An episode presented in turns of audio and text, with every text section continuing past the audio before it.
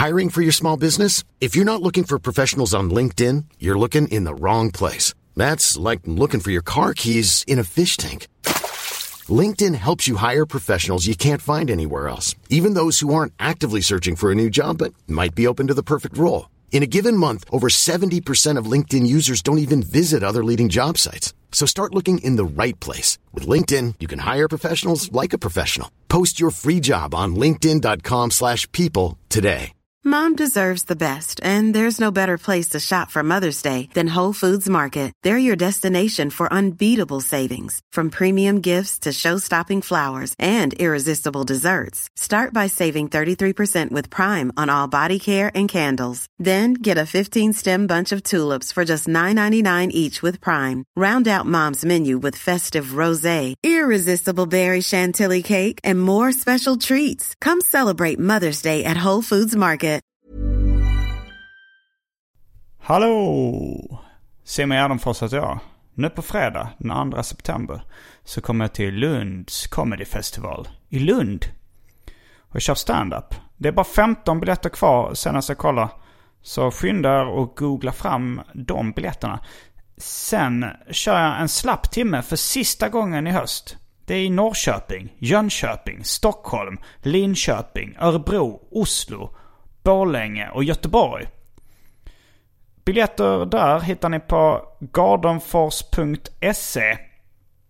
Följ mig på Instagram också. Där heter jag atgardenfors. Men nu kommer Arkivsamtal som klipps av den mycket skickliga Mattias Lundvall. Mycket nöje!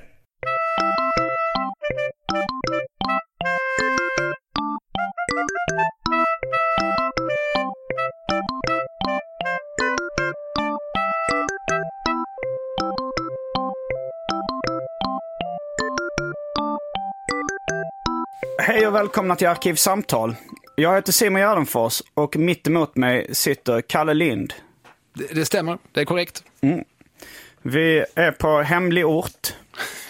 Men vi Ja, kan ju, okej. som en ledtråd var vi är någonstans kan vi säga att Sveriges Radio gillar inte när man använder deras studio till saker som eh, inte publiceras av Sveriges Radio. Det är ju helt rimligt. Mm. Det är ju de som äger det, eller rättare sagt det är licensbetalarna som äger det. Ja. Så, så att det, är ju inte Det konstigt ju. att de känner så. Nej, det tycker jag inte heller. Och därför gör ju heller ingen det såklart. Nej, Nej, man ska respektera Sveriges Radio. ägodelar. Ja. Ja. Sen är vi ju alla licensbetalare såklart, Ja, eller hur? alltså, självklart. Ja, precis. Så att vi är väl på något vis har väl alla rätt till Sveriges Radio Studios. Ja. Eh, men eh, du är i alla fall uh, podcastare bland annat.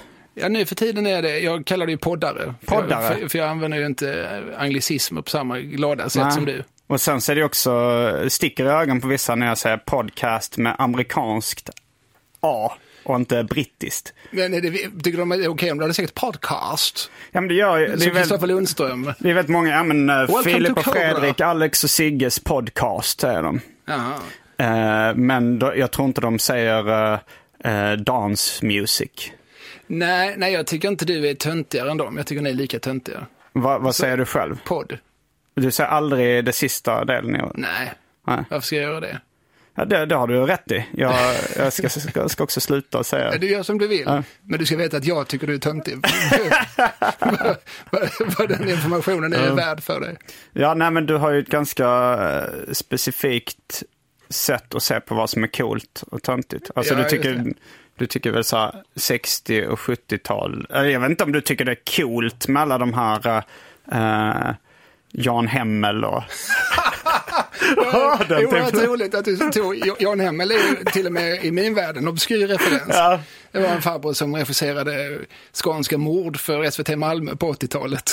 Eh, nej, jag bara fick upp en bild av någon jag tänkte att du tyckte var cool. Det någon Och som har tog- skägg och som, som har haft sina bästa dagar, så, som har framtiden bakom sig. Jo, nej, jag vet inte vad jag tycker det är, de är cool. Jag, jag tror inte jag tänker så mycket i termer av coolness. Nej, du gör inte det? Okej.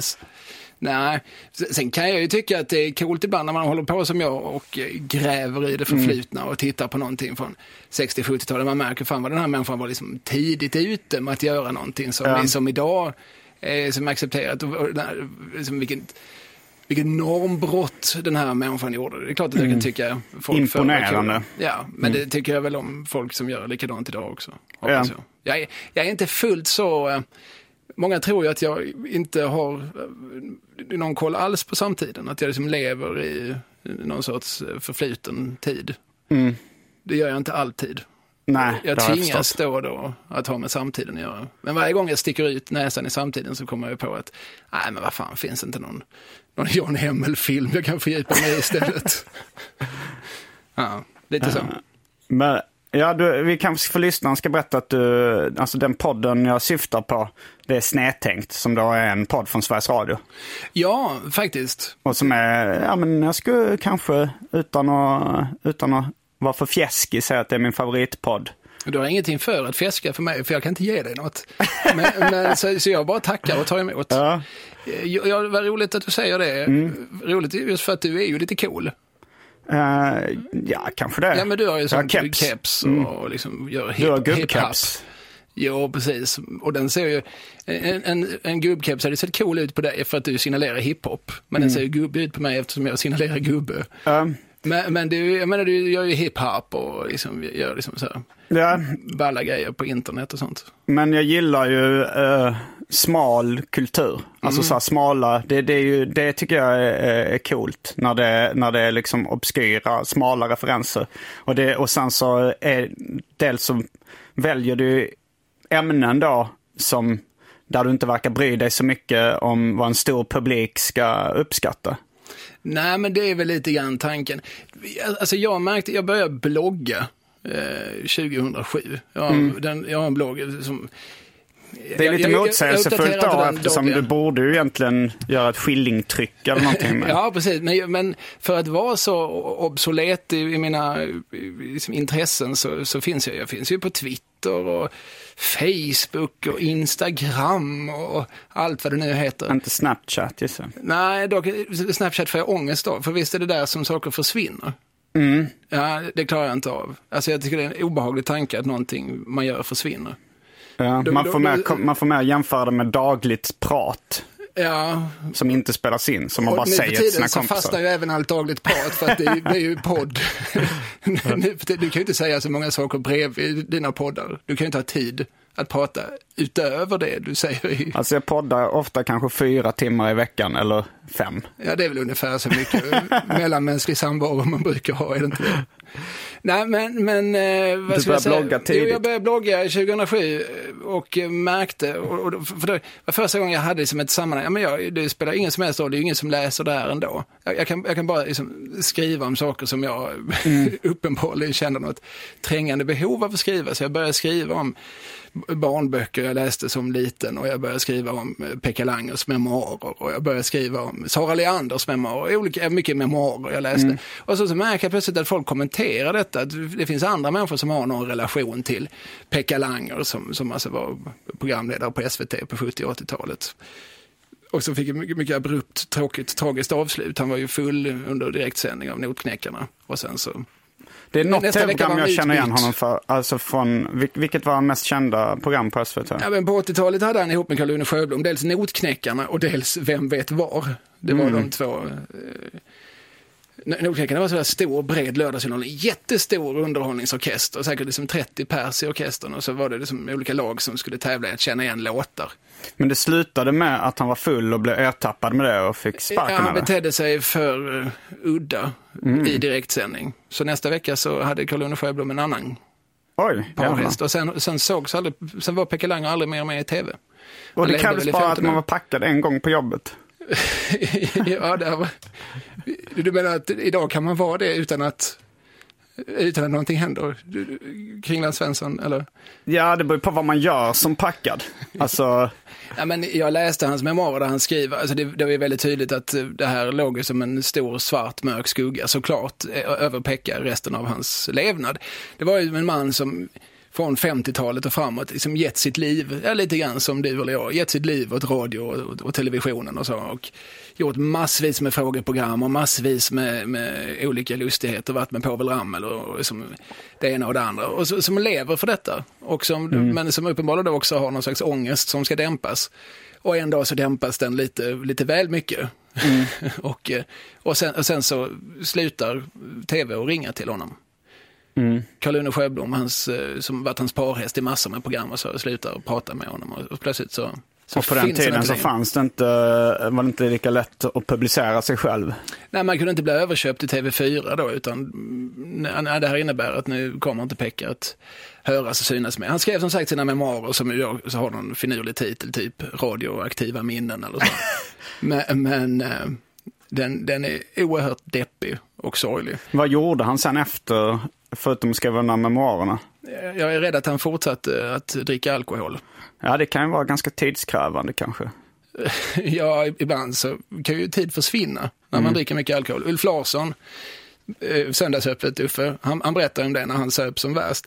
Då hällde han ju upp en massa fulvin i en spann och så satte han med en slang i munnen.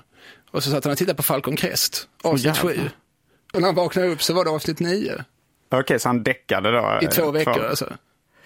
Det var ju på den Jaha, tiden när, jag tänkte när att han hade kunde, på när man inte kunde binge-titta. Ja, ja. Nej, utan det var när det gick på SVT.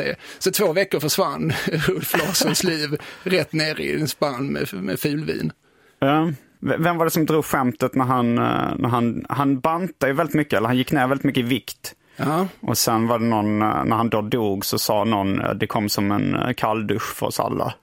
Så, för det var ju då ett skämt att det, han såg extremt sjuklig ut mot slutet. ja just det. Även beskriven som en kondom på en tändsticka. Av, av någon elak journalist. Ja. Eller det var väl ett Organism 12-citat från början, men han sa det om Astrid Lindgren. Men sen var det någon som då refererade till den liknelsen när de pratade om Uffe Larsson. Ja. Det- Detta apropå alkohol och detta apropå att jag började blogga 2007 Ja, och, eh, och märkte att ju smalare saker jag skriver om, desto fler kommentarer får jag. Om jag skriver om relativt breda saker, Lill-Babs, då får jag inte lika många kommentarer som om jag skriver om bortglömda saker som Anders Harning, en gubbe som fanns ibland på tv på 80-talet. Då plötsligt, för då, de, de är inte så många, de som bryr sig om Anders Harning, men de som bryr sig, de, de bryr sig desto mer, de skriver en kommentar. Och, och sen dess har det varit mitt credo att, att jag har försökt att alltid ha någonstans där jag kan diskutera de här smala sakerna. Jag har skrivit böcker och jag gör liksom bredare saker. Jag- gör liksom P4 Malmöhus tre dagar i veckan, så här morgonpratare i lokalradion i, i Skåne. Och där kan man ju inte sitta och prata om Karl-Une Sjöblom hela tiden. Alltså, där, där måste man ha ett bredare tilltal. Men det är väldigt skönt att ha liksom en, en, en ventil där jag kan Ja. helt ohämmat droppa Jan Hemmel. Hur, uh, hur stor har uh, podden blivit? Alltså, har den, har, hur populär har den blivit? Alltså räknat i antal skallar har jag faktiskt ingen aning. Nej. Det, jag tycker det är det fina med att eh, kunna göra den för SR. Jag får ju liksom en, en slant, jag får ju en beställning. Du ska göra så här många program Mm. och, och för detta får du en, en eh, pyts pengar. Och sen så är jag ju försedd. Sen behöver jag inte jag bry mig om annat än huruvida jag tycker det här är eh, lyssningsvärt. Men får man inte lyssnarsiffror eller något sånt där? Jo, men jag brukar hålla lite för öronen. För att, Okej. för, för att, jag vet inte hur jag ska förhålla mig till dem. Men, Någon gång har, har någon nämnt en siffra och då, jaha, är det inte fler, tänkte jag. Mm.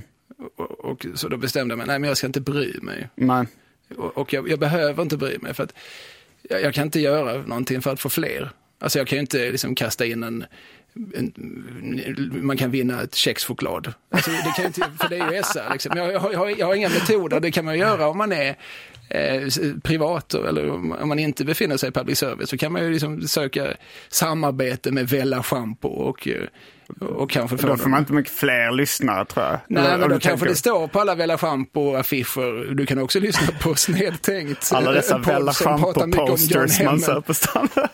Eh, sådär. Ja, men då, då, det finns ju andra möjligheter till samarbete. Jag kan inte göra någonting annat än att förlita mig på eh, på ett SR. Det är ändå liksom en gubbe på SR som egentligen har mitt liv i sina händer. Ja. Eh, på gott och ont. Faktiskt mest på gott. För, att, jag, för att jag inte behöver sitta och analysera. Okej, det här avsnittet fick lite fler lyssnare än det här. Då kanske jag ska satsa mer på att göra den här typen av grejer. För att det, det, det är så oerhört eh, hämmande för kreativiteten. Men eh, dina, dina favoritårtionden är väl så här 60 och 70-talet? Ja, Det är nog de jag har bäst koll på. Ja. Men är det alltså, tycker du det producerades bättre underhållning och, och kultur då? Eller var det Nej. någon annan anledning du fixerad vid det? Alltså helt ärligt, jag vill inte prata i termer av bra och dåligt. Nej. Jag har egentligen försökt liksom, Intressant då? ja. ja men, eh, när jag var liten, för att det har jag varit, även om jag var lillgammal, så, så föll jag som en fyra för Hasse och Tage. Jag var alltså fem, sex år och började lyssna på den här de var ju levande och aktiva då för all del, men de var ju fortfarande gubbiga. De gjorde ju saker som, som handlade om kärnkraft och sånt. De, de pratade ju inte liksom på eh, samma våglängd som Nej. en femåring. Men hur som helst, jag tyckte de var roliga. Jag kan inte riktigt förklara varför. Man lyssnade på skivan, man hörde att folk skrattade åt dem. Och det, skratt smittar och sen så blev jag nyfiken, varför skrattar folk åt det här? Så då fick jag ju ta reda på vad Harrisburg var då, den här kärnkraftshaveriet 79. Då fick jag ju ta reda på vem Spiro Agnew, alltså Nixons gamle vicepresident var. Jag fick ju ta reda på en massa saker. Redan som femåring? Nej, nej, du- men det här är ju ja. en process som har pågått sedan dess. Ja. Men hade du den typen av hjärnan som femåring att du, att du gick till frågar läggen? Jag, Okej. frågar, jag frågar mor i första hand. Mor, mor. Ja, vem är Spiro Agnew? Så fick jag, jag minns det som hon suckar. Vilken, jävla ände ska jag börja? Okej. Du vet i USA, de har en president, men så finns det en annan grej. Det är, är, det värt att jag förklarar detta? Kommer det att fästa? Så gjorde du det då. Mm. Ja, för det är ju, det är ju en, av var de, genuint. en av de grejerna i eh, podden som är, är ju spännande och imponerande är att du verkar kunna, alltså så att det ver- verkar fastnat ganska mycket mer eh, fakta i ditt huvud än i folk i allmänhet. Ja, Eller är det bara att du har att du är intresserad av udda saker tror du? Ja, men vissa saker, jag har ett ganska bra namnminne.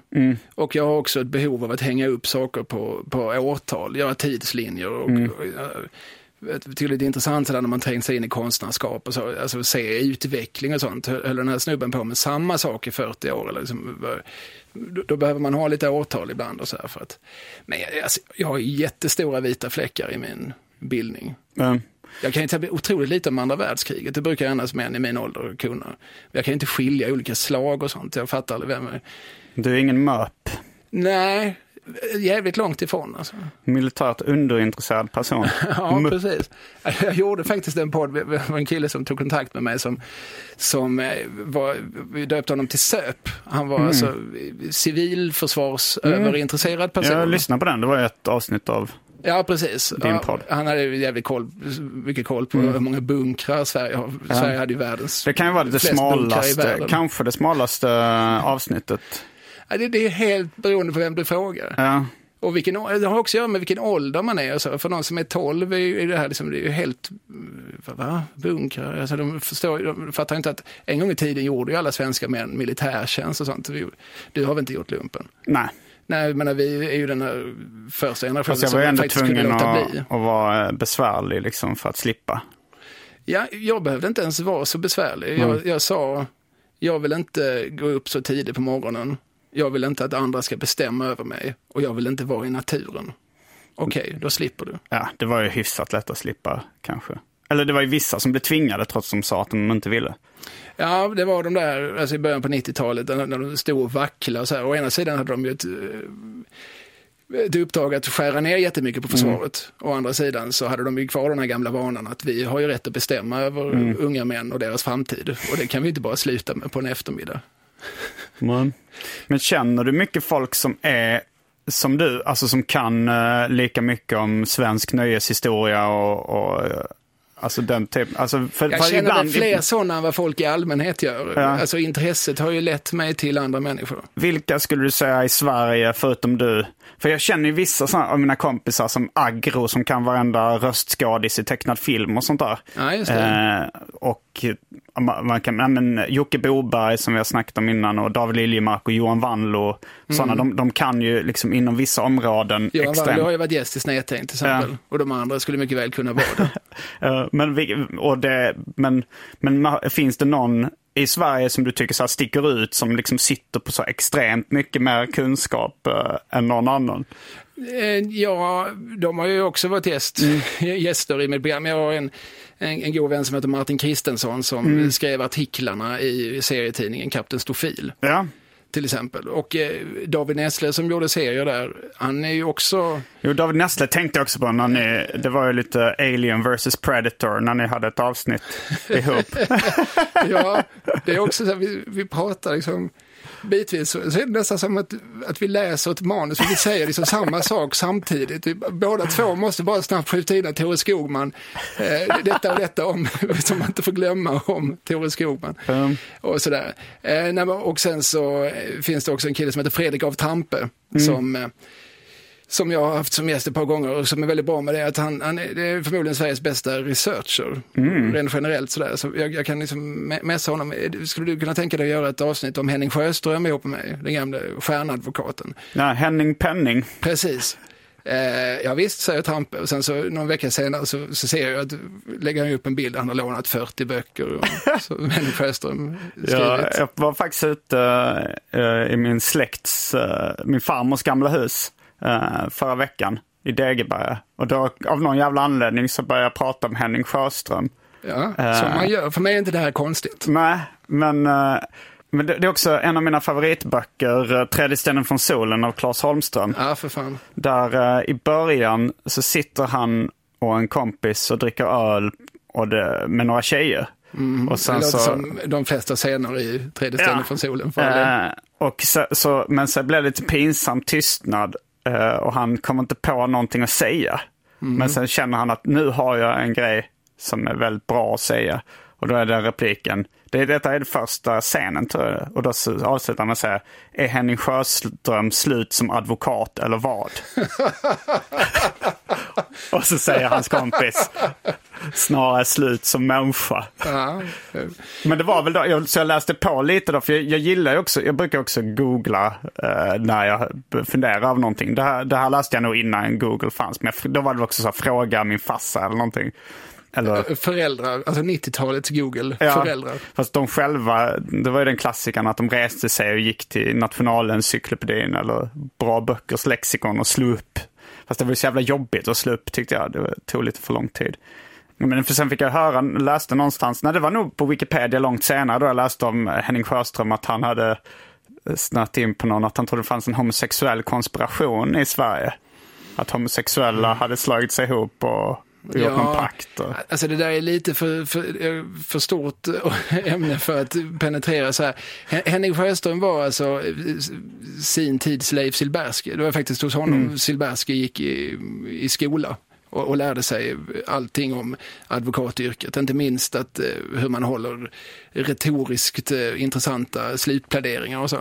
Och inte minst hur man ser till att få jävligt mycket publicitet kring alla sina mål och så. För han var ju som, verkligen kändisadvokat. Ja, jag måste ju bara slänga in alltså Magnus Ugglas uh, hit jag mår illa. Henning Penning. Gör schlagerdebut. Där går en gräns för vad jag pallar. Ja, då lägger jag en pizza och går ut. Exakt. Han gjorde schlagerdebut alltså. Nej, han var aldrig med i Schlagerfestivalen, men han gav ut en, en, eh, platta. Han, han ut- utbildade sig till operasångare på gamla dagar. Och sjöng Eller- in My Way och Blowing in the Wind. Och, Ja, men jag tror det är de säger när Henning Penning... Det är, inte, det är inte. Henning Penning Trind om magen. Det är någon annan kändis han, ja, han nu, jag, hoppar på. Det- jag skäms såklart för att säga det, men jag har inte hela Jag mår illa-texten helt memorerad i huvudet. Men när sen Henning gör schlagerdebut, ja, men jag, jag tror att det syftar kanske på att han varit med, han var ju ganska mycket med i sånt som jag säger Nöjesmaskinen och Rassel och sånt där. Så han, han var ju också lite titta ut-gubbe. på- Ja, En mycket bisarr sammansatt person som dessutom skrev några av de absolut snuskigaste böcker som har skrivits på svenska språket. Alltså i stark konkurrens då med Per Gahrton som jag vill minnas att vi pratade om Mm, sist jag gästade din, din podd.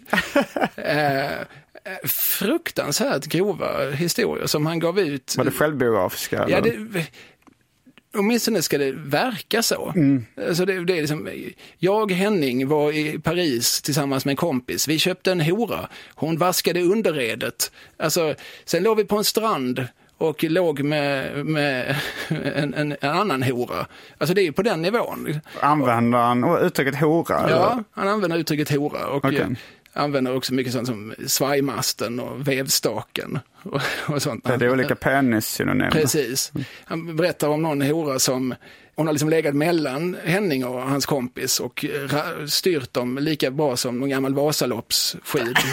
och jag använder den sortens liknelser.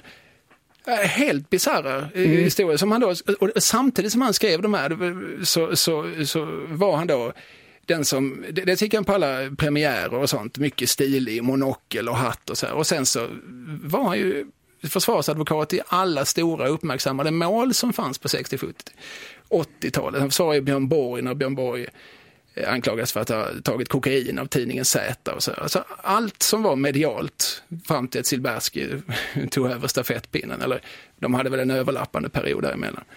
Men han var ju också, alltså han började sin karriär i slutet på 50-talet och det var ju något som hette Keina-affären. Först Haijby-affären och sen Keina-affären. Det var två jätte, jättestora rättsskandaler. Det som... finns väl en P3 Dokumentär om i alla fall Haijby-skandalen tror jag. Ja, och de, de hänger ganska mycket ihop med varandra och de har det gemensamt att de är väldigt röriga. Men i princip handlar de om, om eh, homofobi. Karl-Erik Heine var en pastor i Stockholm som eh, ganska uttryckligen sa att det finns, det finns en bögliga. Och i den så finns det de här ministrarna, de här de här, de här samhällspotentaterna och de här unga pojkarna på glid. Alla de är liksom ihoplimmade med varann och eh, de mördar folk och de eh, håller varann, framförallt håller de varandra väldigt, väldigt mycket om ryggen. Och den här liksom homosexuella konspirationsteorin, den har liksom varit levande i Sverige i princip sedan dess. Ja, liksom, man kan se det jättemycket i olika deckare och kriminalhistorier. Så att det alltid finns, det finns en idé om att män är så är så rädda för att bli avslöjade att de är liksom beredda att skydda mord och skydda det ena och det andra. Det finns jättemycket, man kan se det lite hos Sjöwall Wahlöö, man kan se det liksom ohyggligt mycket svensk alltså, ska. Alltså att Sjöwall Wahlöö hakat på den homosexuella konspirationsteorin? Ja, det finns antydningar. Det är inte det de ägnar sig mest åt, men, men, men det finns även där. Så väldigt mycket det här eh, en tv-serie som ingen minns som heter Jakten på mördare som gick på 90-talet. Allan Svensson spelar en polis som visar sig vara bög då. Och, och serien säger ganska uttryckligen att eh, eh, eftersom det, tjuven också är bög så håller liksom bögarna varann om ryggen i en enda stor böghärva. Mm. Och den här liksom, föreställningen har liksom funnits kvar och levt sedan 50-talet och fick ju inte minst liksom ny energi med Ebbe Carlsson-affären i slutet på 80-talet. För där kom ju Ebbe Carlsson som var uttalat homosexuell. Och han var ju också inblandad i liksom en jättekonstig härva där han fick jätte, jätte, jättemycket pengar av eh, polischefen Hans Holmér för att sitta i någon tiorummare på Östermalm och spana efter Palmes mördare. Ebbe Carlsson var liksom en sossegubbe med glasögon, en bokförläggare. Varför fick han det? Ja, då började det liksom komma upp teorier om att det är väl för att de bögar med varandra. Mm. Och eh, Birgit Friggebo som var en gammal minister, folkpartist, hon ställde ju frågan i konstitutionsutskottet, beror det här på att du är homosexuell Ebbe? Det var liksom fortfarande slutet på 80-talet helt okej okay att komma med den sortens beskyllningar. Och där dök också Henning Sjöström upp mm. i den eh, härvan, för att han hade ju liksom varit med på Keynes-tiden mm. och visste ju hur de där håller på. Mm. Så jag gissar att det är det du någonstans eh, snappar upp på Wikipedia. Och det var där, men var det därför han blev, var slut som advokat? Nej, det var väl för att han var gammal och uh, gaggig. Okej. Okay. Eh, tror jag. Nej, men eh, han, han höll nog på, det är inte så himla länge sedan han dog, det är fem, sex år sedan. Mm. Eh, men han, han var väl slut som, han jobbar nog inte de sista två decennierna. Mom deserves the best and there's no better place to shop for Mother's Day than Whole Foods Market. They're your destination for unbeatable savings. From premium gifts to show-stopping flowers and irresistible desserts. Start by saving 33% with Prime on all body care and candles. Then get a 15-stem bunch of tulips for just $9.99 each with Prime. Round out Mom's menu with festive rosé, irresistible berry chantilly cake, and more special treats. Come celebrate Mother's Day at Whole Foods Market. Life is full of what ifs. Some awesome, like what if AI could fold your laundry? And some, well, less awesome, like what if you have unexpected medical costs? United Healthcare can help get you covered with Health Protector Guard fixed indemnity insurance plans. They supplement your primary plan to help you manage out of pocket costs. No deductibles, no enrollment periods, and especially no more what ifs. Visit uh1.com to find the Health Protector Guard plan for you. Millions of people have lost weight with personalized plans from Noom, like Evan, who can't stand salads and still lost 50 pounds. Salads, generally, for most people, are the easy button, right? For me, that wasn't an option. I never really was a salad guy. That's just not who I am. But Noom worked for me. Get your personalized plan today at Noom.com. Real Noom user compensated to provide their story. In four weeks, the typical Noom user can expect to lose one to two pounds per week. Individual results may vary. Nu har det blivit dags för det omåttligt populära inslaget Välj drycken. Jag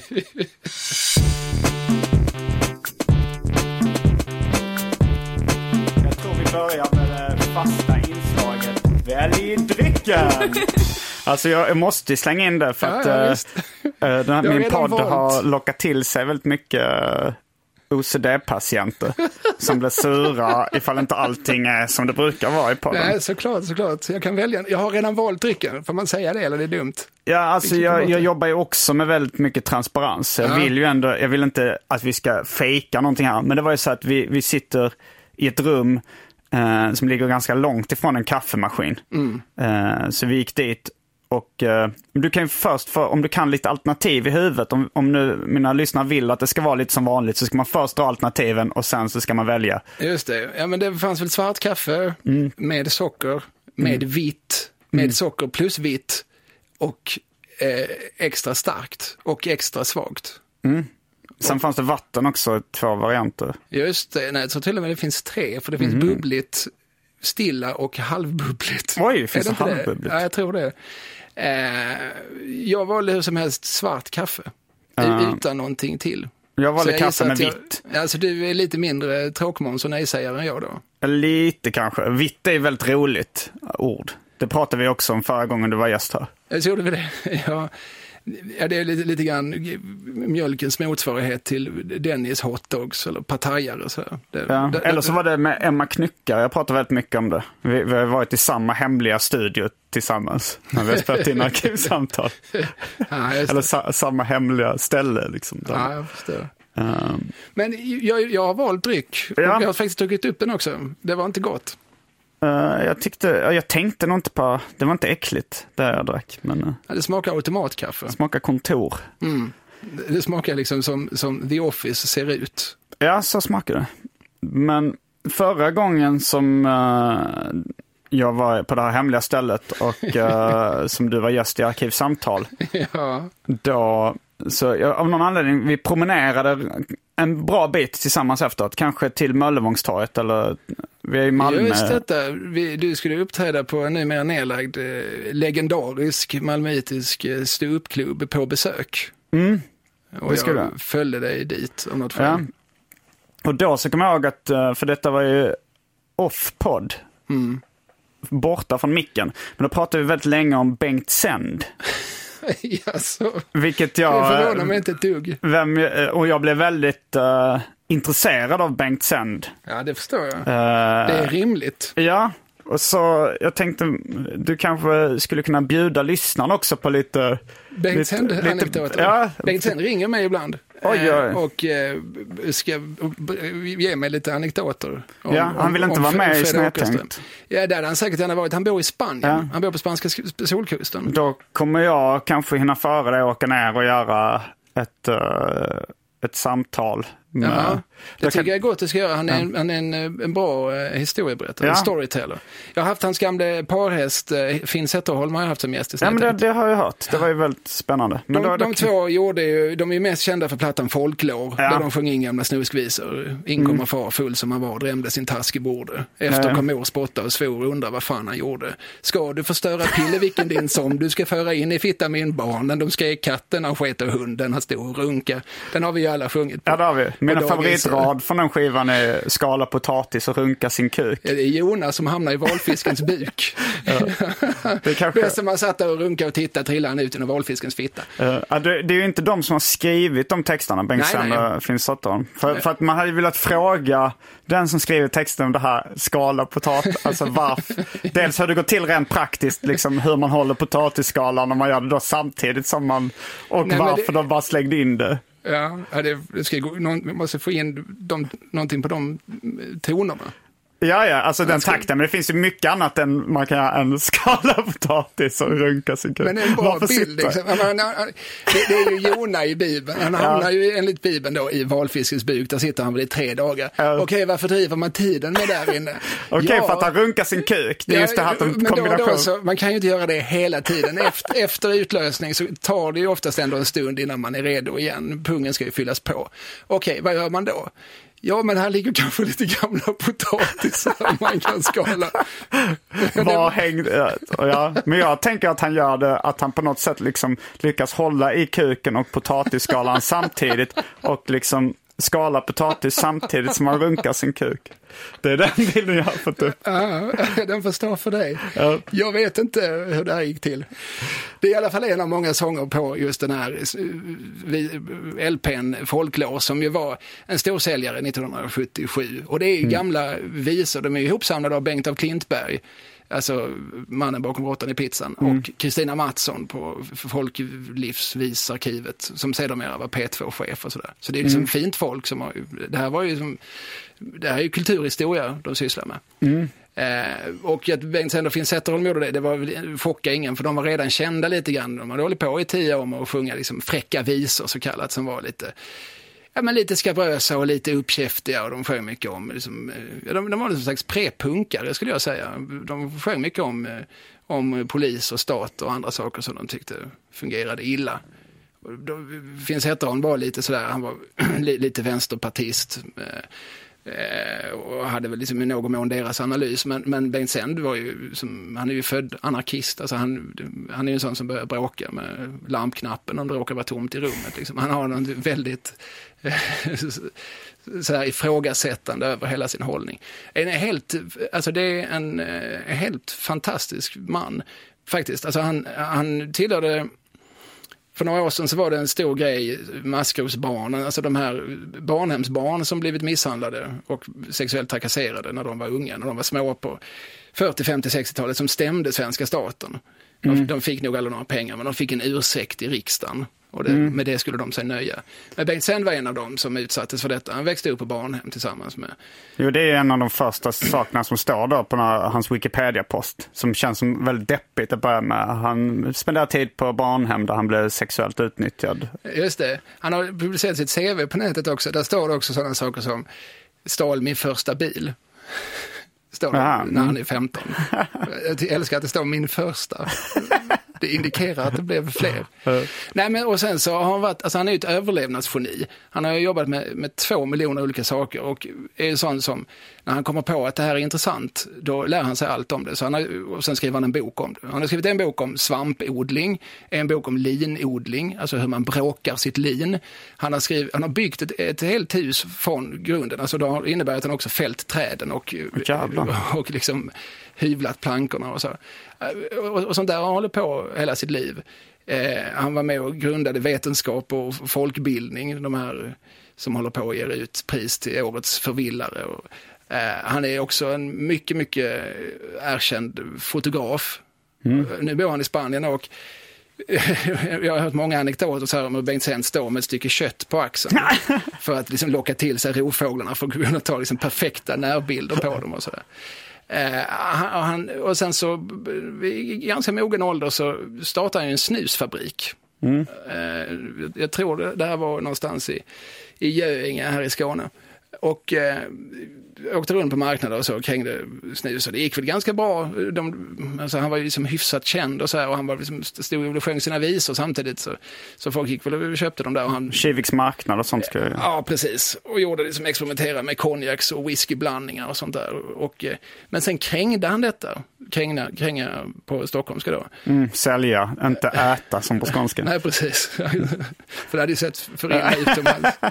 Nej, men han krängde det till, till Gotia Tobak för 12 miljoner.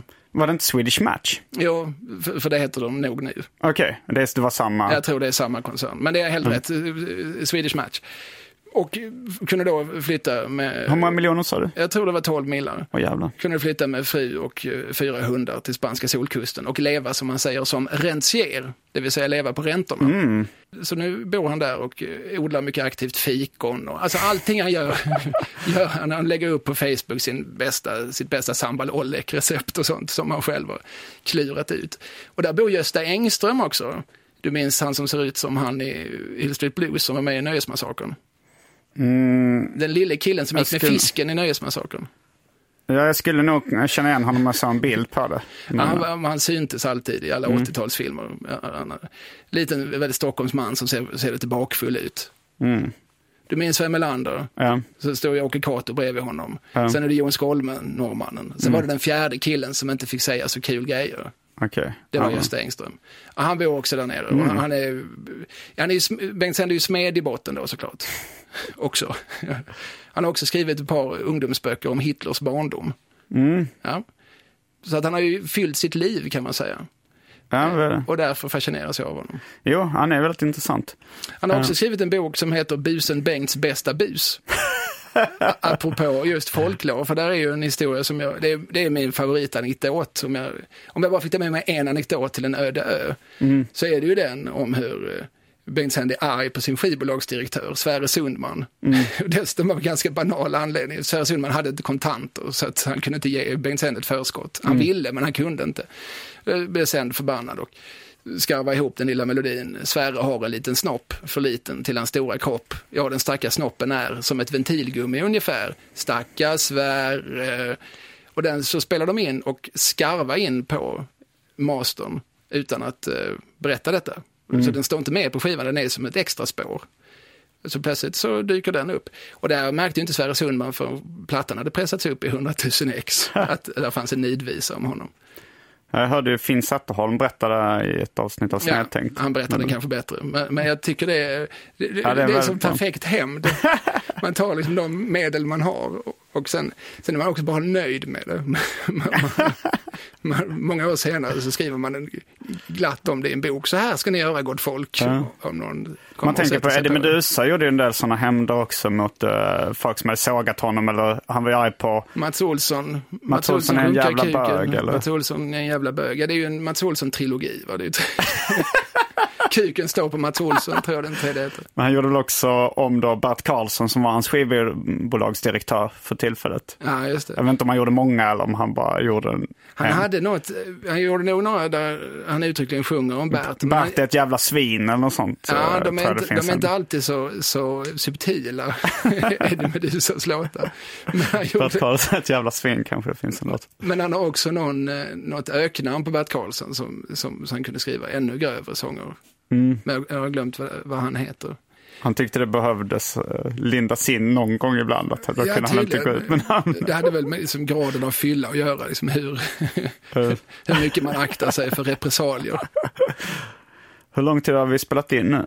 43 minuter. Okej, då, då kan vi bara köra vidare med det här inför Bengt Sänd-inslaget. Om du, om du kommer ihåg TV4s införprogram.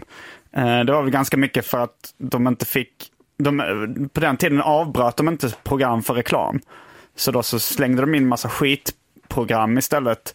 Alltså som var införprogram. Kanske så. Då kom det, då kom det, alltså även om de bara hade något sånt alltså något sånt där Stora Famnen-lotteriet, så hade de ett inför Stora Famnen-lotteriet så kunde de slänga in reklam mellan där. Men sen började de rätt skamlöst bryta av Just programmen det. mitt i. Men jag kommer ihåg det var mycket sådana onödiga program som det bara var för att de skulle ha mer reklamtid.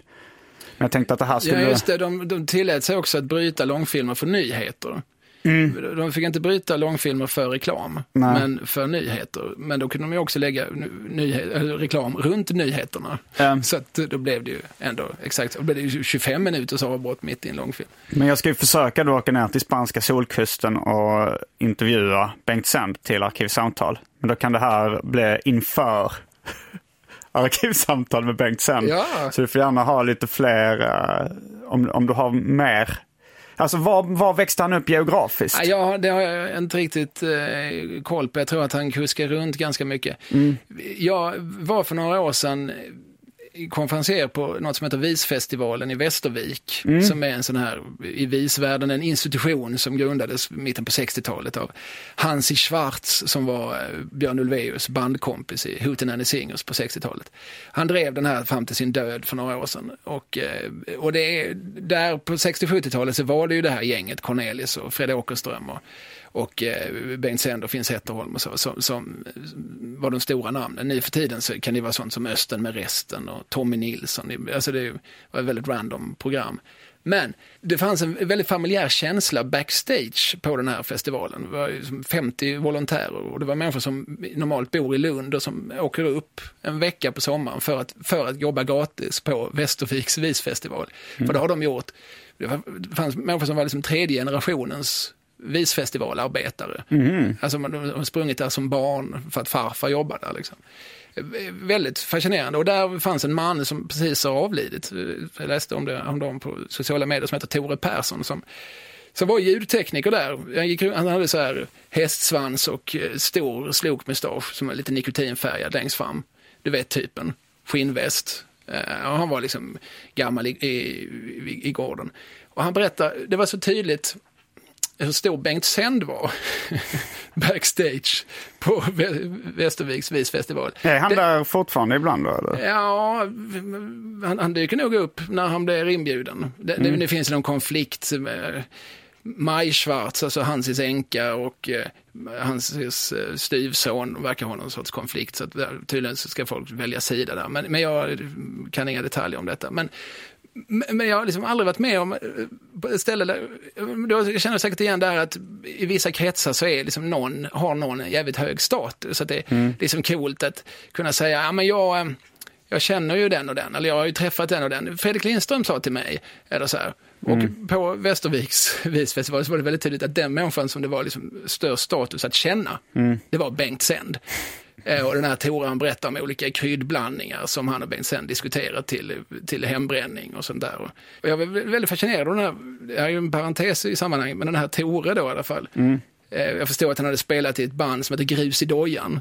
Ja, men det, har, det har jag nog sett på Malmöfestivalen som barn. Jag tyckte det var ett roligt namn när man gick förbi Folkets park eller vad fan det var. Med Grus i dojan har ju inlett alla Malmöfestivaler sedan begynnelsen. Mm, håller de på fortfarande? Ja, de spelar häromdagen. Okej. De är gamla. Eh, Men de svänger fortfarande. Deras stora hit är Kaffe utan grädde. Är som kärlek utan Jaha, kyssar. är det de som har skrivit Nej, den? nej, det är en Ja. gammal schlager som, de, som de spelar då på ett väldigt glatt och struttigt och festligt Okej. vis. Och Tore Persson, han var då med, jag förstår att han hade varit med i det här Grus i dojan på 70-talet. För de här anekdoterna som berättades, som kunde ju vara 30 år gamla såklart. Bengt Sänd hade sagt 67, kunde ju mycket väl dyka upp i ett samtal. Sen, sen ringde jag och pratade med Bengt Sänd. Har du träffat honom i verkligheten gång? Nej, Ja. eh, det har jag inte gjort, men vi, vi ringer varandra ibland för att eh, diskutera olika saker. Oftast saker som handlar om Fred Åkerström. Eh, men då, Han verkar inte vara så poppis eh, när Finn Zetterholm eh, i, i ditt avsnitt om svenska visvågen då. Då skulle de nog säga att han var ett jävla svin. ja det kröp fram liksom flera gånger, jag behövde inte ställa frågan heller. Nej, han ville verkligen ge honom en känga. Jag bara liksom, li- Tjuvnyp. lite i mungipan så var han lite konstig i huvudet. Eh, Alla söp de ju. Eh, mer eller mindre, men Fred Åkerström hade, han var nog den som hade de, de värsta demonerna att slåss mot på något vis. Eh, han var ju faktiskt ännu yngre än Cornelis när han dog, han var bara 48 när han söp ihjäl sig. Men, men hur som helst, den här Tore Persson som jag började prata med. Jag, när jag pratade med Bengt sen så sa jag, den här Tore Persson, känner du honom? Ja visst, han är läkare. Ja, men han var ju ljudtekniker på Västervik. Ja, ja, men han är ju läkare. Han är ju chef på lasarettet på Åland övriga året. Ganska cool kille som sådär, först spelade jag i ett partyband och sen, nej men nu på åldershöst, jag omskolar mig till läkare. Men jag fortsätter ändå att dra sladd varje år på Västerviksfestivalen för att få fler Bengt Sände-anekdoter till min samling. Ja, som sagt, han dog häromdagen och det är många bekanta till mig som sörjer. Så det här är ju såklart berättat eh, med all kärlek och aktning.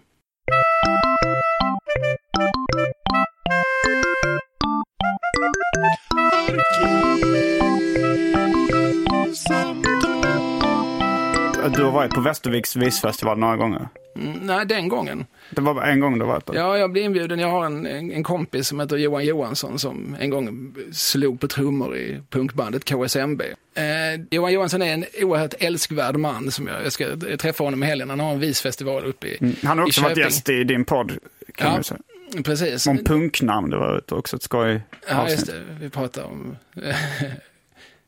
10 kilo ris rakt upp i fittan, bland annat. Som Ja. alltså är ett, ett punkband som, de lär aldrig ha haft några spelningar eller så, utan Aha. men någon känner någon som vet att de har funnits. Pratar ni om, band, om eh, dricka sprit? Eh, För det är ett av mina favoritpunkbandsnamn. Det, är- det, är, det är lite så här less is more-namn. Att de bara heter dricka sprit. jag minns inte, för det finns ett annat som heter Åka bil. Ja, det pratar ni om, det kommer jag ihåg. Men dricka sprit vet jag inte. Det är ju bra. Ja, det är så slappt. Det är vi som vill dricka sprit. Ja, men det är bra att ha ett namn som också, liksom, vad, vad har ni för hobby? Ja, det är dricka sprit. det också. Ja, Det är bra. bra. Ja. Nej, men Johansson och, eh, han bjuder in mig ibland att göra sånt här. Du, nu får du, nu får du liksom lämna Malmö. Nu får du sätta dig på ett tåg och så får du ta dig hit. Så får du träffa folk. Och han vallar mig lite grann i verkligheten. Och så. Här är en människa, de kan man prata med. Och så, folk är ju lite rädda att jag bara sitter och trycker i min garderob. Eh, så att eh, därför hamnar jag på Visfestivalen i Västervik. Men jag var ju som klippt och skuren såklart för att vara där. För att jag, jag kunde ju prata med vilken gubbe som helst. Jag fattar ju, jag hade ju samma, exakt samma referensvärde. Inga problem. Eh, Eh, när de började så, ja, du känner till Cornelis? Ja, jag känner till Cornelis. Varför frågar de det på en Nej, visfestival? det gjorde de inte, men motsvarande. Liksom, de kanske frågar, känner du till Evert Ljusberg? Ja, jag känner till Evert Ljusberg. Ja, ja, men känner du till, alltså, och så obskyra, obskyra. Känner du till Stefan Demert? Ja, jag kan, Stefan, jag kan min Stefan Demert. Ja, det var där. Jag visste vem Evert Ljusberg är, men Stefan Demert vet inte vem det är. Det var han som skrev balladen om den kaxiga myran. Mhm. Jag uppstämma vill min lyra fast det blott är en gitarr och berätta om en myra som gick ut att leta barr. Mm. Den är ändå, den, och Anna Anaconda har han skrivit. Anna Anaconda, när ska bröllopet stånda? Nej, kan få men reda på den, måndag. den känner jag till.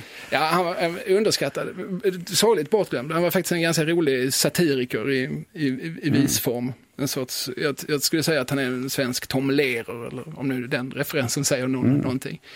Men eh, eh, hur som helst, jag hamnade på Visfestivalen tack vare Okej. Johansson.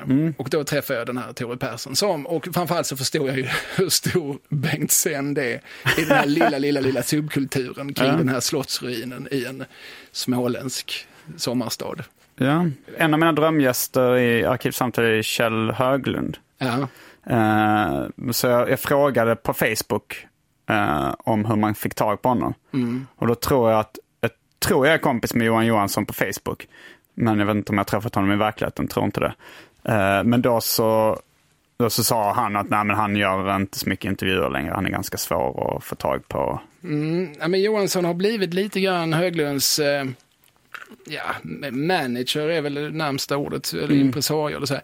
Faktum är att jag råkar ju ha turen att det året som jag var på Västerviks visfestival så gjorde ju Höglund sitt, vad alla tror, absolut sista scenframträdande någonsin. Jo, det finns väl någon P1-dokumentär eller något sånt som de där, där pratar Johansson mycket om. pratade om det. det. Jag var med vid samma tillfälle. Eh, för att, eh, han var inte med i programmet eller så här, utan Höglund råkar vara i Västervik. Mm. Och Johansson har ju då, i många år så kuskade han runt med Höglund eh, och, så där, och bar hans pärmar och gitarrer och sånt. Och, Mm. Så gjorde de väl ett sätt, båda gjorde väl sina låtar, men Höglund var väl, var väl stjärnan och Johansson lyfte upp honom väldigt mycket som stjärna och sådär. Och eh, han var med när han fick sitt stora Grand Mal. Han hade ju epilepsi visade sig. Och så här. Det är många år som är lite bortsuddade för Kjell Höglund för att han har liksom haft olika anfall och sånt. Han är ju rätt så krasslig och sådär, men glad. Eh, och han gick runt med sin fantastiska fru Clary i eh, Västervik och Johansson eh, sa du, du måste komma. Du, du har inget alternativ, du får komma upp och göra en, göra en låt. Publiken kräver det av dig. Och eh, alla såg ju att han var i ganska risigt skick. Han fick, vi fick ju mer eller mindre bära upp honom på scen. För det är en rätt så jobbig trappa upp och så. Du var med och bar honom? Ja, jag höll väl någon lem i alla fall när vi mm. konkade upp honom. Och Johansson fick ju som spela gitarr för det Höglund har aldrig varit någon vidare gitarrist och han hade ju en tjock perm med texterna för han har aldrig kunnat sina texter utan till. Mm. Han sjöng rätt illa och han har ju aldrig sjungit särskilt bra. Eh, men det var ett helt fantastiskt framträdande. Han gjorde Genesarets sjö. Mm. Och återigen, backstage pratar vi om två saker. Vi pratar om Bengt Sänd och så mm. pratar vi om Höglund. En efter en kom fram och sa, herregud, titta, visa, sina, visa liksom ståpälsen på sina armar. Mm. Det var en väldigt märklig känsla, man har liksom, alla är överens om att det här är once in a lifetime, det här är sista gången detta sker. Vi är åsyna vittnen när den här mannen gör sitt sista framträdande. Det, var, det stod liksom så tydligt i undertexten att det här, det, här kommer inte jag att göra mer. Det här pallar inte jag att ägna mig åt efter. Det här gör jag för er skull, här och nu. Och vi råkar vara där. Min favoritlåt är ju Man vänjer sig. Mm. Som jag tycker kan vara den bästa svenska låttexten någonsin. Ja, jag skulle säga den bästa, alla mm. kategorier. Uh, det kanske finns någon bättre på swahili. Kanske. Jag är så jävla hade... dålig på swahili. Men jag kommer ihåg när jag var liten så var, la ju hans låt, som kändes mest hans största kommersiella framgång kanske, En stor stark, mm. som låg på, på topplistorna. Men det är ju sådär klassiskt, att uh, den absolut sämsta låt en människa gör under liksom en lång produktiv karriär, det är den som blir en hit. Mm. Och den, den, tror jag jag lyssnade på, eller den har ju gått på radio, jag har inte tänkt på den, men jag kommer ihåg när Transdance uh, släppte singeln Push. som jag tyckte var rätt bra och hade på, på vinylsingel. Ben Marlene och de finska systrarna ja. i Transdance. Mm. Jag träffade faktiskt Ben Marlene på någon sån, när jag var på någon, uh, jag trodde det uttalas Ben Marlene, men det kanske är Marlene. Men, jag vet inte. Men det var... Eh, alltså, jag tar det säkert för när, För länge sedan när vi hade bandet Las Palmas så var det sånt eh, Air Chrysalis som var någon slags eh, musikförlag. Uh-huh. Som då funderade på att uh, signa oss, det vill säga bara sno lite strimpengar och inte göra jobb som de flesta musikförlag gör. Och då så, men då var han chef där tror jag. Det var någon som sa så det vet ni vad Transdance är? Ja, jag var ett stort jo, fan. Han... Så gick han omkring där och var chef på Air Chrysalis. Jo, men han eh, anställdes ju av Gessle. Alltså, Gessle hade något som kanske hette Jimmy Fun Music som var ett förlag på 90-talet. Mm. Det var Ben Malene som signade både Brainpool och Broder Daniel mm. åt eh, Gessles förlag. Mm. Eh, så det är väl det han har gjort sedan 90-talet. Eh, alltså varit talangscout. Ja, men, men det var deras låt Push. Ja, och så sa min kompis då, uh, Ola Fernvall, uh, som vi um, umgicks med när jag var liten, sa han att den låten uh, har blivit, jag vet inte om han sa så att den blivit anklagad för att vara ett plagiat på Kjell Höglunds En stor stark. Uh, så, så, då så började jag säga, ah, vad är det för låt? Så, men så berättade han lite om det och så, så började, sen lyssnade jag på den och hörde den på Svensktoppen eller vad det var. Ja, den, den kan vara på listan mycket. också. Eller? Det är roligt att bli anklagad för att sno en Kjell Höglund-låt för att det, de är Kjell Höglund var ju mer en ordens än en tonernas man. Det är ju uh. extremt simpla, eh, rent melodiskt, alla hans låtar vågar jag påstå utan att vara det minsta musikaliskt kunnig. Men, men, men, det är ju inte det som är, är grejen med dem, att oj vad han kan skriva, vilka intressanta ackordbyten, vilka harmonier han jobbar med. Det har aldrig varit det som varit hans grej. Men där, eh, Johansson brukar ju berätta någon story om när de skrev, de skrev en låt ihop som heter eh, Holger är här. Mm. Men, men det var i alla fall, för de konstaterade båda två att det, det absolut sämsta låt de skrivit är de, den som har blivit mest populär. Mm. I Höglunds fall en stor stark och i Johanssons fall en slemmig torsk. Ja, det... Som han gjorde med KSMB, som, som faktiskt hamnade på Svensktoppen. jag sticker upp fingret bakom en tapet! Ja, jo, jag, jag kommer ihåg den. Ja. en knastext helt improviserad i studion sådär, som, som blev liksom någon sorts tokhit i början på 80-talet. Ehm, men Höglund har ju skrivit betydligt eh, tyngre och intressantare saker och så. Han, mm. han, han, jobbar mycket med att skriva så enormt långa låtar. Han har en låt som heter Häxprocess som är mm. lite drygt 15 minuter. Som jag, jag minns att jag spelade in den sex gånger på ett 90 minuters band. så jag kunde liksom höra den. På, det här var innan, till och med innan Kanske inte innan CD, men väl innan eh, Spotify och så. Jo, jag kommer ihåg jag gjorde det med Salt and Peppers Push It. Spelar du in den om och om? ja, om och om igen och bara, bara lyssna på den. Ja. Ja, den, eh, den har ett annat sväng. För, Ja, häxprocess häxprocess är en rätt spännande text. Eh, Det var, alltså när jag upptäckte Kjell Höglund så, var det, så fick jag rekommendera då Man vänjer sig och häxprocess. Eller Mm. kanske framförallt häxprocess. Men jag gillar bättre Man vänjer sig. Jag är mer inne på självbiografisk vardagsrealism än, än, än eh, den, den är lite mer politisk. Kan Ja, inte säga satir, men Filosofisk Um, skulle jag säga. Det handlar ju mycket om att vi i alla tider har bränt, bränt häxor på bål. Mm. Det var ingenting som slutade med att de faktiska häxorna, utan i alla tider så Mm. har vi bränt våra häxor. Nej, det är klart man vänjer sig ju mer omedelbar i sina bilder. Mm. Man köper lite porr i en tidningsautomat och går hem och onanerar. Det är outsägligt torftigt, men man vänjer sig. Man får lov att vänja sig. ja, det är bra. Ja, Du nämnde Evert Ljusberg i förbifarten. ja just det. Jag kommer inte ihåg i vilket sammanhang. Kommer du ihåg det? Nej, men det var apropå eh, gamla vistrubadurer som kan namndroppas om man hänger på Västerviksfestivalen. Ja, jag minns honom främst för uh, Har du hört den förut? Såklart. Som programledare. Det var de här femminutersprogrammen där de satt i en studio i Sundsvall och drack eh, lättöl. Var det lättare de drack? Ja, det har, har bekräftats av Ljusberg själv. För jag försökte få tag på honom. Möjligtvis folköl. Men Ja, det, det var inte, det var. det var inte starkt. Det var inte starköl. Nej. Men jag försökte, för jag hade ett ko- väldigt kortlivat tv-program på ZTV 2008. Som hette Simon Gärdenfors skräpkulturshow. Ja, Och då skulle jag ha ett, eh, ett avsnitt om eh, vitsar. ja, jag gillar allt det här. Ja. Eh, och då tänkte jag, då är Evert Ljusberg en bra gäst. Ja. Eh, så jag försökte få tag på honom men det, jag fick inte tag på honom. Det var ganska ko- eh, kort deadline då. Ja, Så jag bjöd in två kompisar som, som bara aggro och spaker som de kallas när de rappar. Och så satt vi och drog vitsar och åt pizza liksom. Ja. Och hade någon slags trummaskin. Men då, men då kom jag ihåg att jag försökte först få tag på Evert Ljusberg. Och sen kom jag inte ihåg vad tanten i Har du hört den förut hette. Men, Margareta jag- Kjellberg. men hon var död då redan när jag försökte. det upptäckte jag efter lite slapp research. Du fick tag på en dotter i tårar. Ja, hon hade varit död ganska död. länge. Men, Ja, nej, men hur som helst. Yngre människor kanske inte kan förstå det här, men det här var ju liksom ett ganska stort program. Det gick ju säkert i tio års tid. Det var ju så små femminutersprogram. SVT spelade in, hade mycket olika femminutersprogram. De hade så här svart var det bara ett fan fem minuters Ja. Jag minns det som ganska långt. För det, alltså det var ju, de, det, det, det var ju inte det här eh, tricket, gå så snabbt som möjligt till poängen, sätta punchline. Ja, det var nog olika. Ljusberg jobbar nog lite grann med att bygga upp en situation och sådär.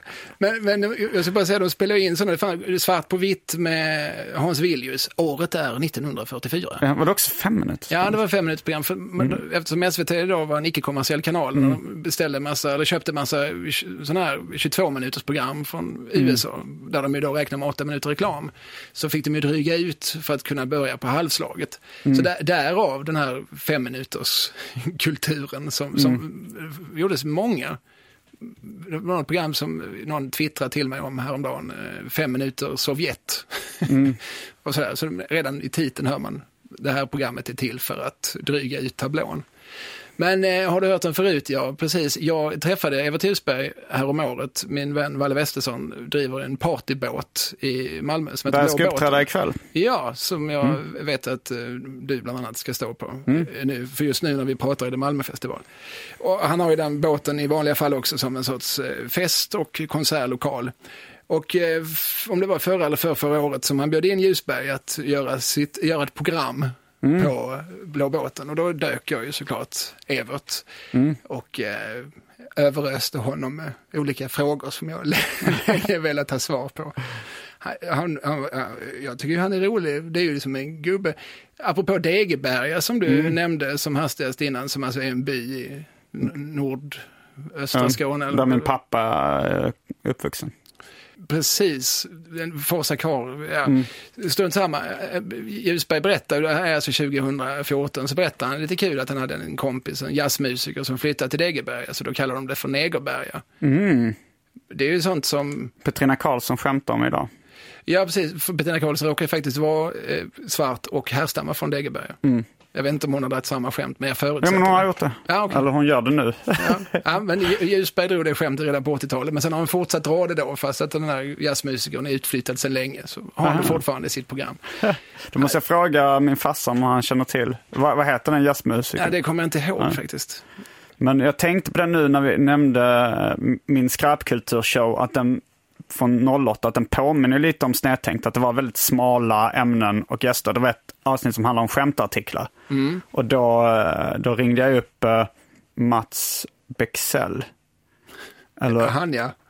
Ett namn som inte ens jag känner till. det är känns han som har tecknat uh, uh, skämtartiklarna Aha. till, uh, alltså de man hittar på Buttricks. Det är vä- väldigt tydligt maner. Det är små lintottar, små pojkar som skrattar, pekar på en hundbajs och skrattar. Och så Ja, har de det- det- lite det är en- uppåtstående lugg. Så. Ser ut som Dennis lite grann. Ja, väldigt lik Dennis, men det är vä- väldigt proffsigt tecknat. Jag trodde ju att de förpackningarna var, de var så bra så att det skulle kunna vara från USA.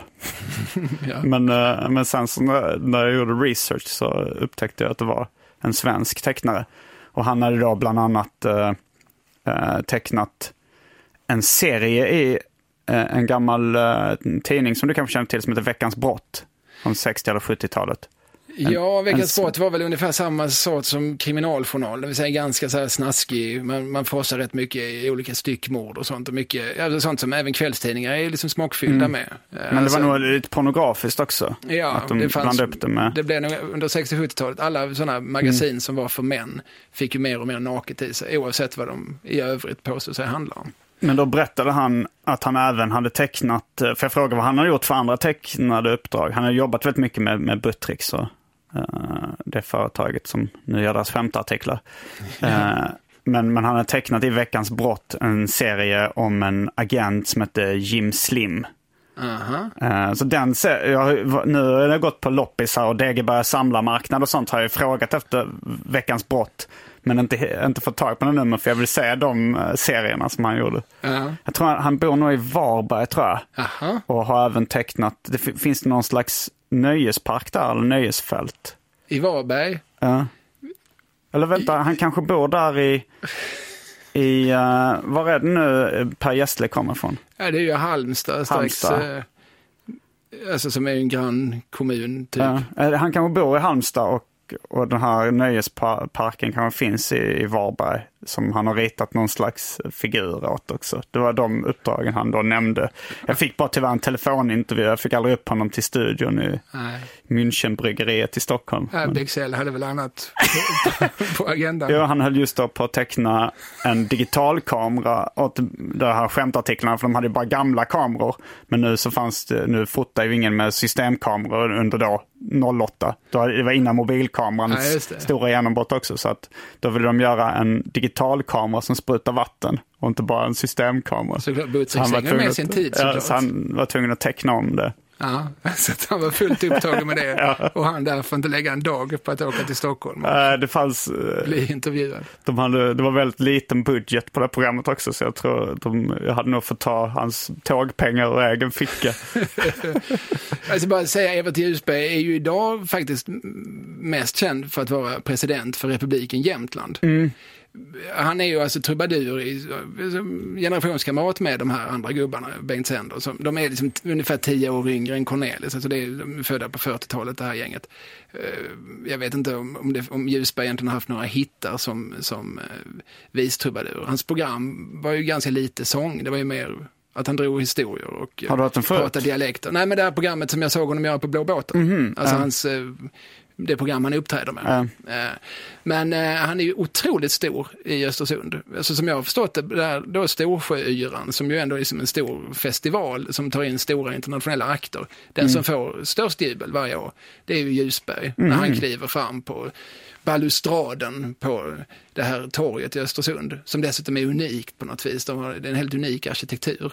Alla jämtar säger att det är helt unikt, sen slår jag upp det, det visar sig att det finns ju fem likadana torg i Sverige. Men, men hur som helst, det, det, det, det är liksom nersänkt snarare än upphöjt. Ja, skitsamma.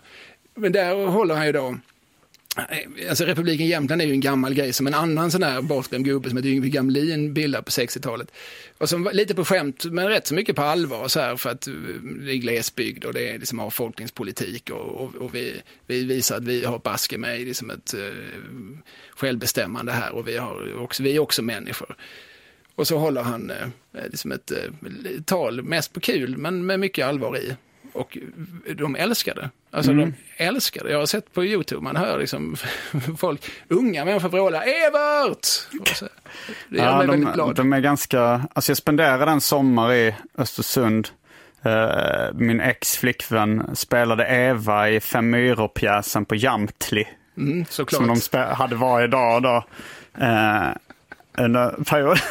och då så då hängde jag i Östersund och och äh, men bara slappade runt där, gick på loppisar och, och sånt där. Men jag kommer ihåg, de var väl lite lokalpatriotiska. Alltså när man, man kunde köpa så här pizzarullar på pizzerierna. Mm. Alltså de rullade ihop en pizza, packade med sallad och, och kanske lite äh, feta och sås. Liksom. Och så sa jag att det här har jag bara ätit i Norrland, inte i, i södra Sverige. Sa du Norrland? Jag sa n-ordet. Mm. Och det var ju någon eh, där eh, jämte ja. som eh, hade suttit helt tyst. Och han, han kom och slog näverkonten i huvudet på Han blev alltså. jättearg. Eh, han brusade upp. Och jag sa, men om man delar, man delar in Sverige i Norrland, Svealand och Götaland. Och det kommer den, liksom, viktig Petter, ja, absolut. Och han hävdade att det här det ligger mitt i Sverige. Östersund är ju väl Sveriges mittpunkt. Jo, det är det ju, men det är ju Norrland också. Det Nej, de är ju jämtar då. Eh, ja. Så många som tycker det är lite lustigt att Evert Ljusberg som är från Härjedalen är rep president i Republiken Jämtland. Men Republiken Jämtland omfattar även Härjedalen eftersom det är Jämtlands län man utgår mm. från just då, tydligen. Detta har jag lärt mig också lite grann den hårda vägen. Att få fel av olika jämtar när jag har sagt fel. Jag för mig, du pratade om det i något avsnitt av uh, Snedtänkt också. När ni kom in på Republiken Jämtland och Evert Ljusberg och du. Ja, just det. Avsnittet handlar nog främst om skånsk patriotism mm, som, som alltid är så mycket, mycket obehaglig. Och har mycket liksom mycket mer rasistiska rasism, undertoner. Så här, Skånepartiet har det, mm. finns ju fortfarande här som härjar i, i lokalroll, eller närradion och sådär. Det är mycket mer liksom, eh, muslimfientligt och så. Medan motsvarande rörelser i, i Piteå, om man tänker som Ronny Eriksson, nere vid Piteå 11. Mm. Vi behöver inget systembolag för läskedrycker av alla slag, det kan vi göra själva. Mm. Och sådär. Det är liksom mer, dels är det mer med humor och dels är det lite mer det är lite mer underdog-perspektivet, det är lite mer sympatiskt. Mm. Och likadant då i Republiken Jämtland, där det också finns en sån här en rörelse. Det handlar väl om liksom, stolthet och att vi, vi finns också. För de mm. anser väl sig med en viss rätt vara osynliggjorda. Och det vet jag inte riktigt om eh, skåningar kan hävda på samma sätt, att vi inte syns. Du och jag hörs ju, ja. till exempel. Och med de orden så avslutar vi veckans avsnitt av Arkivsamtal. Jag heter Semi Allenfors. Jag heter Kalle Lind. Fullbordat samtal.